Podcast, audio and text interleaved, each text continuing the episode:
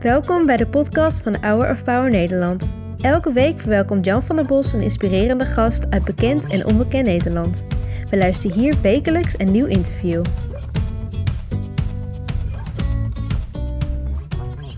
Een prachtig lied van het koor dat God onze sterkte is en als het ware een schild is dat ons beschermt. Nou, daar kun je over meepraten, Jan. Absoluut. Ja. Absoluut. We hebben zoveel meegemaakt. Kan ik nu niet allemaal vertellen, daarom heb ik er een boek over geschreven. Maar het, het is echt een wonder dat ik, dat ik hier mag zitten. Ja. Echt waar. Ik ga terug naar jouw jeugd. Je hebt als eh, jongen een droom om piloot te worden. Eerst ga je bij de KLM werken en dan ga je werken voor Missionary Aviation Fellowship. Dat stond toen nog in zijn kinderschoenen. Ja. In Nederland kennen we dat beter als MAF. Hoeveel vliegtuigen heeft de MAF nu vliegen? Hoeveel piloten, allemaal vrijwilligers, zijn erbij betrokken en hoeveel mensenlevens zijn er gered? 120 vliegtuigen, ongeveer. Hè. En eh, daar zitten iets van meer dan 200 piloten, families staan daarachter. En hoeveel mensen er gered zijn, Jan, ik kan het je niet vertellen, maar het loopt in de tienduizenden. Ja. Daar ben jij een van de mensen van geweest die dat gedaan heeft. Hoeveel jaar ben je piloot geweest, Jan? Zo'n 14, 15 jaar. Ja. Jongen, Ja. dat is lang, hè? Je hebt er ook een boek over geschreven, Ja. Draagkracht heet dat. Maar hier ligt ook de schipper en de vader. Want jij had hier bijna niet gezeten, want wat gebeurde er toen je een jochie was? Ja, toen ik acht jaar was en ik had net een fiets gekregen van mijn zeer arme ouders. Toen ben ik in de Zaan gevallen, Zaandam hè, aan de Zaan. En ik heb mijn levensfilm gezien. Als je acht jaar bent is die erg kort. En, eh, en ik ben er toen door iemand uitgehaald.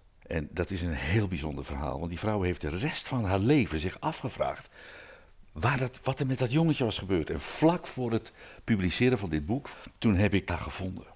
En dat is een bijzondere ontmoeting geweest. Dat ze na zoveel jaar. Ja. Daarna ga je vliegen. Eh, wat motiveerde jou om dat te doen? Dat is om tot het einde te gaan daar waar de mensen de minste kans hebben om geholpen te worden, om het evangelie te horen, allemaal samen. Hè?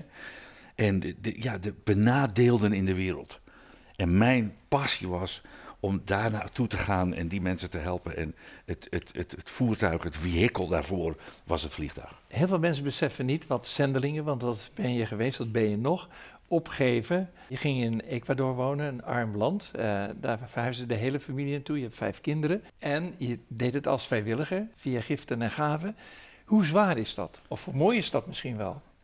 In- die tijd weet je niet hoe zwaar het is. Je doet wat je moet doen. En je vliegt op de moeilijkste strips, landingsbanen van de wereld.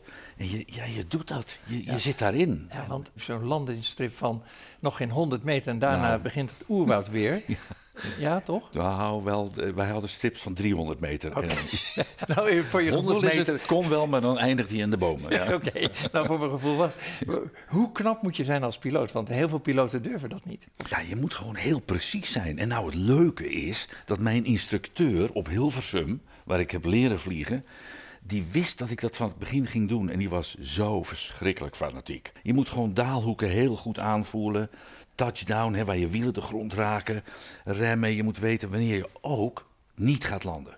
Dat is ook heel belangrijk. Ja. Als de wind niet goed staat. Ja. Ja. Laten we even naar een paar beelden kijken van hoe die piloten van eh, Missionary Aviation Fellowship over de hele wereld bezig zijn. Ja.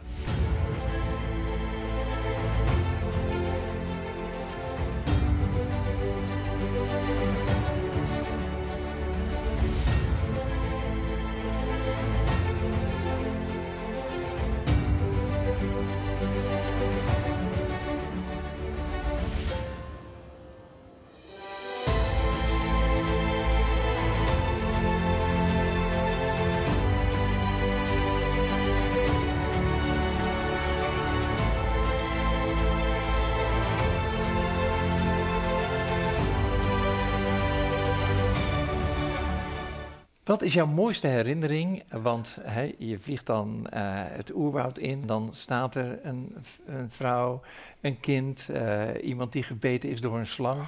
Ja. Mooiste herinnering, een toverdokter. Deze vrouw was uit de hut gevallen, beide armen gebroken, vol pus, vreselijk, zag er heel erg uit. We kregen een oproep op de radio van kom die vrouw halen, want die man had gezegd van ik genees haar wel even met mijn toverkrachten.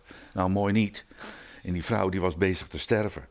En toen dacht ik, jongen, jongen, zo'n toverdokter, want ze waren ook wel een beetje bang voor hem. En toen dacht ik, wacht even, die Heer Jezus is veel machtiger dan dat mannetje en dat betekent helemaal niets.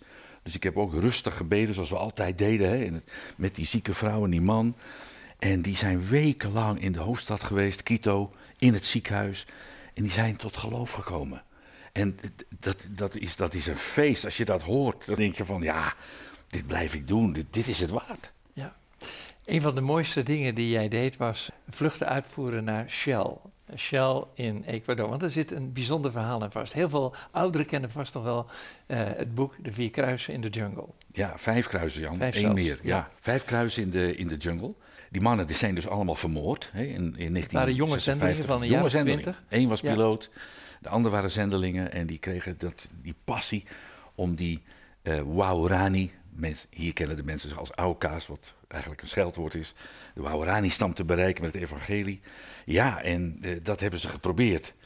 En dat is toen niet gelukt. Ze zijn allemaal vermoord. De stam had andere gedachten daarover. En er werd over, dingen over hen verteld die niet waar waren. En uh, toen zijn die vrouwen, die weduwen van die piloten, die zijn later teruggegaan. En omdat een vrouw daar gewoon, nou dat was niet iets gevaarlijks. Die vrouwen mochten gewoon komen, dat zat geen gevaar. Mannen waren gevaarlijk.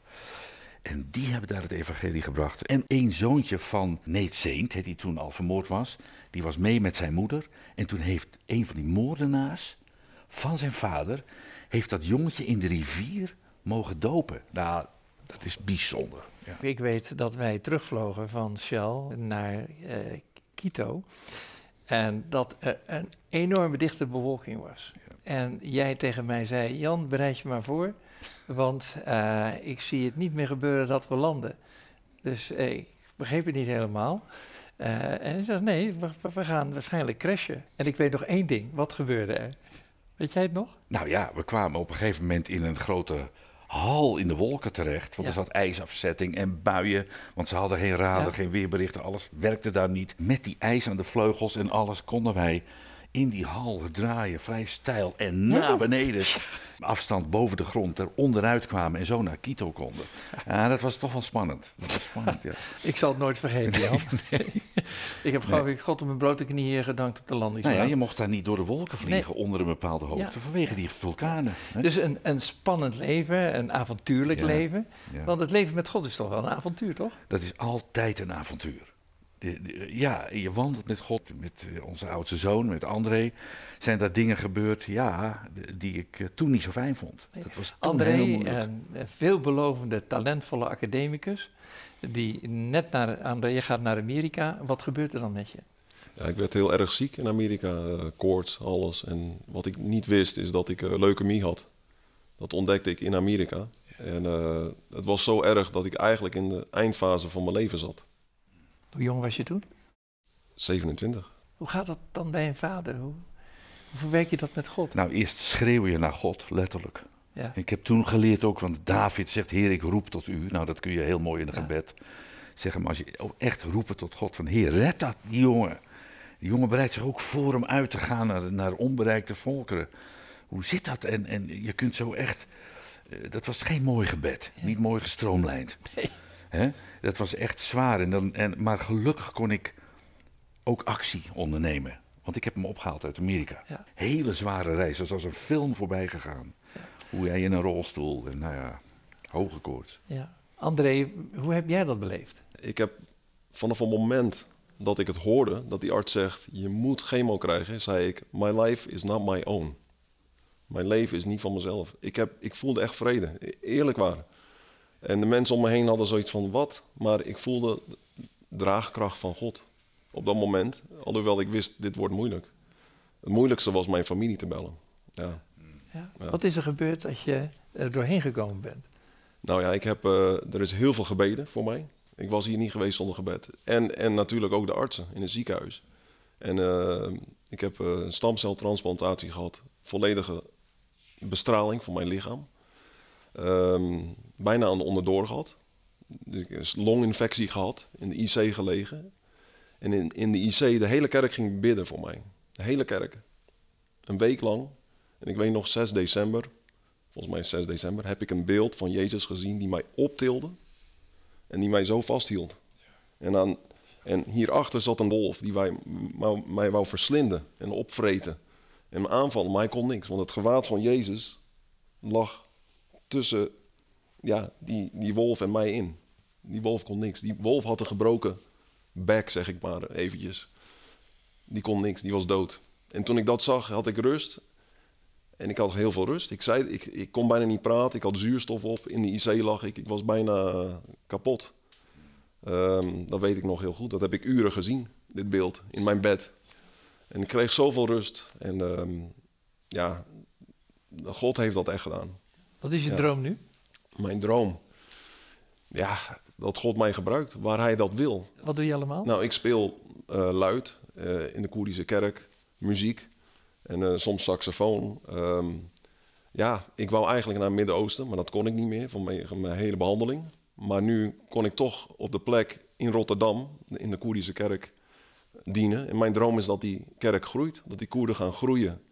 En dat ze eh, tot geloof komen en andere Koerden bereiken. Ja, want dat doen jullie ook, want 150.000 Koerden kijken je naar Ja. jullie podcast. Dat is Klopt, onze. Facebook-pagina die wordt heel erg bekeken. 150.000 mensen bij Home for Kurds. En eh, ja, dat is een wonder. Ik bereik denk ik meer Koerden door mee te doen aan dit... dan dat ik in Koerdistan zou wonen. Wel een aardje naar zijn vaartje, hè? Ja, ik heb hem toen, eh, toen hij tien was al vliegles gegeven. En ik dacht echt van, nou hij wordt piloot hè. Ja. En dan wordt hij antropoloog. Ja. Maar ik vind het heel bijzonder dat André ook met zo'n groep bezig is die met de hele wereld, door de hele wereld, met de nek aangekeken wordt. Hè, 30 miljoen mensen zonder Ja. eigen land. En om die identiteit te geven die Christus heeft voor mensen, ja, dat, dat vind ik geweldig. En vooral in de muziek. Ja. Ja. De Bijbel, het meest gelezen boek ter wereld. Jullie lezen er ook elke dag uit. Wat is de tekst die jou het meeste aanspreekt en jou? Daar moet over nagedacht worden. Ja. Jongens, Ik heb spreuken, hele bekende, vers 5 tot 6. Trust in the Lord with all your heart. And lean not unto your un- own understanding. Die heb ik gewoon in de het Engels. heel je hart. Omdat ik elke keer op God moet vertrouwen. Ook nu, nu dat ik wel gezond ben. Maar zelfs nu, continu moet ik terug naar die bron. Ja. Ja, En Jan? Ja, mijn tekst. En die van mijn vrouw altijd geweest. Psalm 34. Maak met mij de Heere groot. En laat ons tezamen zijn naam verheffen. Ja. Dus er zit iets in van we doen dat samen, maar we verheffen zijn naam. En Ja, dat maar dat doe je ook letterlijk, hè? Op vleugels. Ja, dat, Ja. dat zag ik toen niet. Want die tekst al hebben we al gekregen voordat we met. MAF uitgingen. Ja. En toen zei jij ergens in die jungle, toen noemde jij dat. Toen zei ik van, oh ja, dat is waar ook. Dat heb ik toen, ik dacht altijd met aanbidding, maar ook letterlijk zijn naam verheffen. Maar naar al die volken. Want ik denk het doel van zending is dat volken allemaal in hun eigen eh, stijl, in hun eigen muziek God aanbidden. En ja, dat is het mooiste wat er is. Ja. Zojuist heeft Open Doors eh, de nieuwe lijst gepubliceerd van vervolgde christenen. Ja. Ongelooflijke aantallen. 50 landen waar christenen, Korea is nummer 1, Hmm. waar christenen Mm. gewoon vermoord worden om hun christen te zijn. Hmm. Wat zeg je dan? Ik vind dat heel moeilijk. Ik heb vroeger ook bijbels gesmokkeld hè, naar, naar eh, communistische landen. Met Arne, Hè, met. Anne van der Bijl. en, en ja, eh, en ik, ik vind het aan de ene kant heel moeilijk. Aan de andere kant zie ik in, in bijvoorbeeld een van die geweldige psalmen 105. Eh, jij, jij noemde iets van Bobby Schuller, die gaat, die gaat over Jozef vertellen. Nou, in, in die psalm staat dat er was een, een hongersnood en toen stuurde God een man. En in het volgende vers staat en Jozef werd gevangen genomen. En dan denk ik, er zijn twee lijnen. En die ene lijn is Gods plan waar we soms niets van snappen. En die andere lijn is hier op aarde gaan mensen de gevangenis in en moeten mensen lijden. Maar ze hebben geen idee, de wereld die dat ziet, wat, het, wat de uitkomst daarvan is. Maar die is goed. Dat weet, ik weet dat zeker. Ondanks dat lijden. Want dat is er wel. Ja. Ja.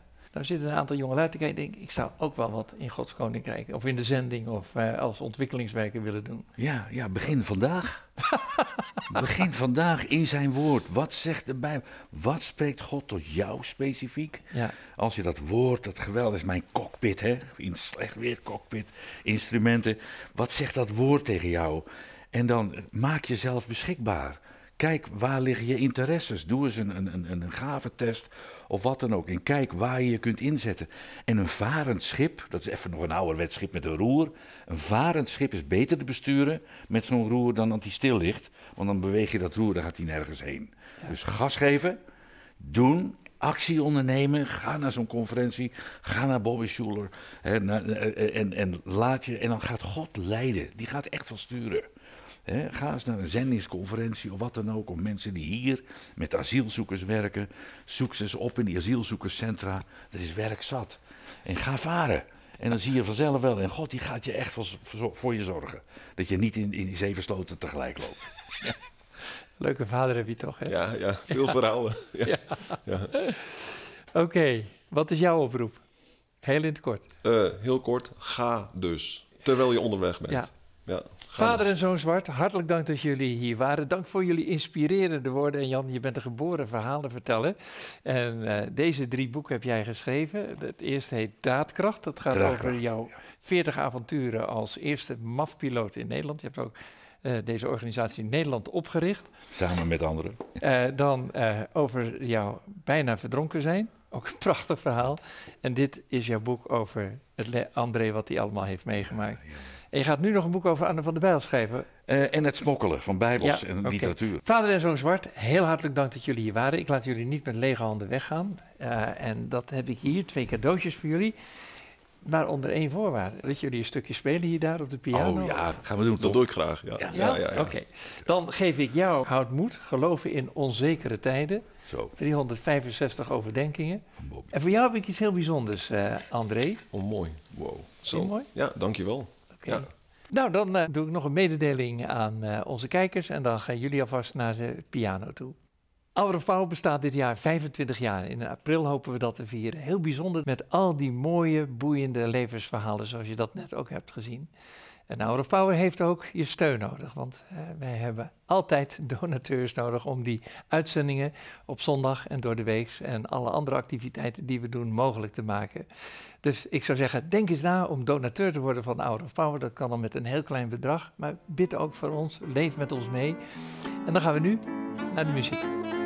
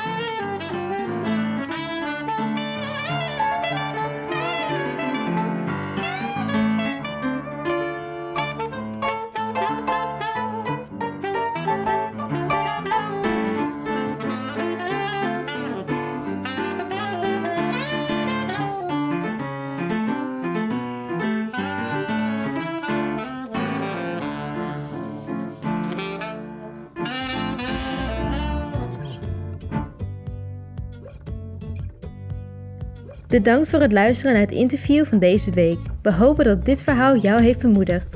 Wil je meer weten over Hour of Power of andere interviews bekijken? Ga dan naar www.hourofpower.nl.